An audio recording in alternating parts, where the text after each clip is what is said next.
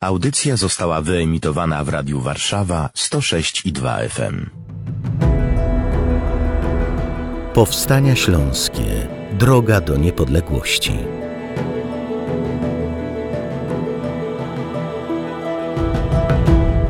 Stulecie Powstań Śląskich.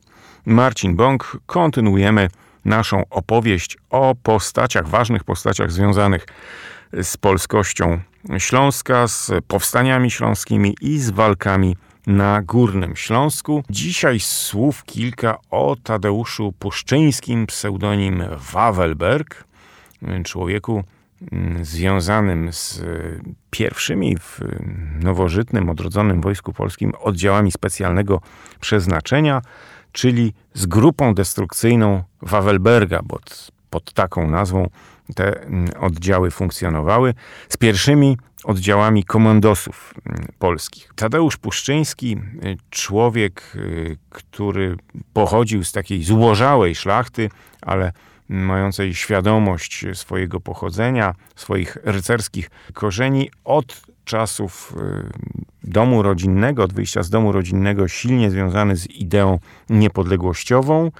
E, uczestnik e, strajków szkolnych w kongresówce, e, już właśnie w, na etapie gimnazjum poznał ludzi tworzących konspiracyjne kółka nie, niepodległościowe. Między innymi był członkiem Związku Młodzieży Postępowo Niepodległościowej Filarecja.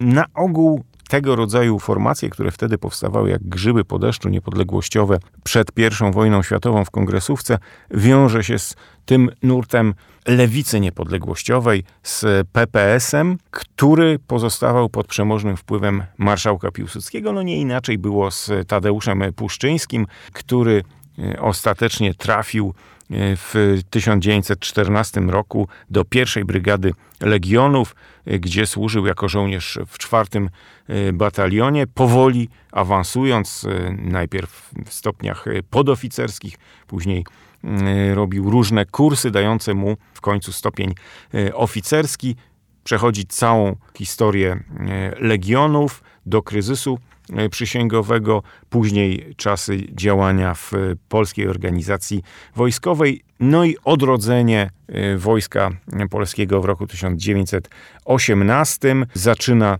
działać e, i co ciekawe, formułuje różne oddziały z takich właśnie przybudówek, militarnych przybudówek partii Y, socjalistycznej, różnych robotniczych ruchów.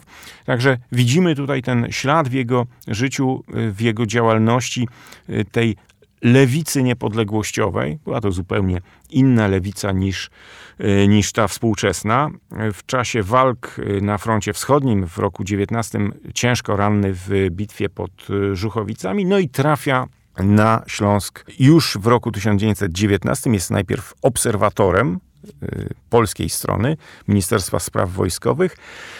Y, natomiast później mm, zostaje skierowany w roku 1921 jako szef grupy destrukcyjnej w stopniu już kapitana, którą to grupę destrukcyjną organizuje do wykonania akcji Mosty. Akcja Mosty, która była w naszym cyklu opowieści y, omawiana zupełnie Y, odrębnie.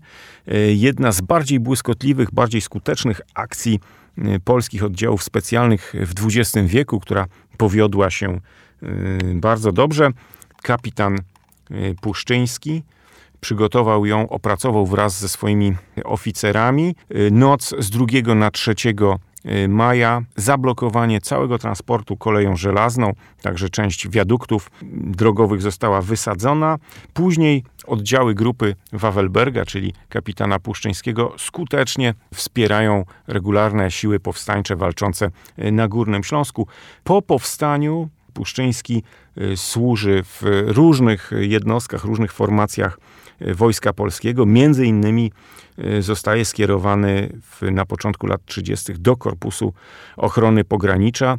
Wiemy, że KOP był formacją przyjmującą najlepszych oficerów, najlepszych y, podoficerów, y, formacją, która ochraniała od wschodu naszą granicę przed największym, jak uważano wtedy, wrogiem, czyli Rosją bolszewicką. Nie dane było kapitanowi Puszczyńskiemu doczekać II wojny światowej. Zmarł no, nieżołnierską śmiercią, mm, chorował bardzo ciężko od 1938 roku na nowotwór.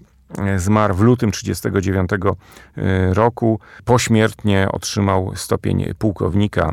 Spoczywa na cmentarzu wojskowym w Warszawie na Powązkach. Zadanie publiczne jest współfinansowane ze środków otrzymanych od ministra obrony narodowej.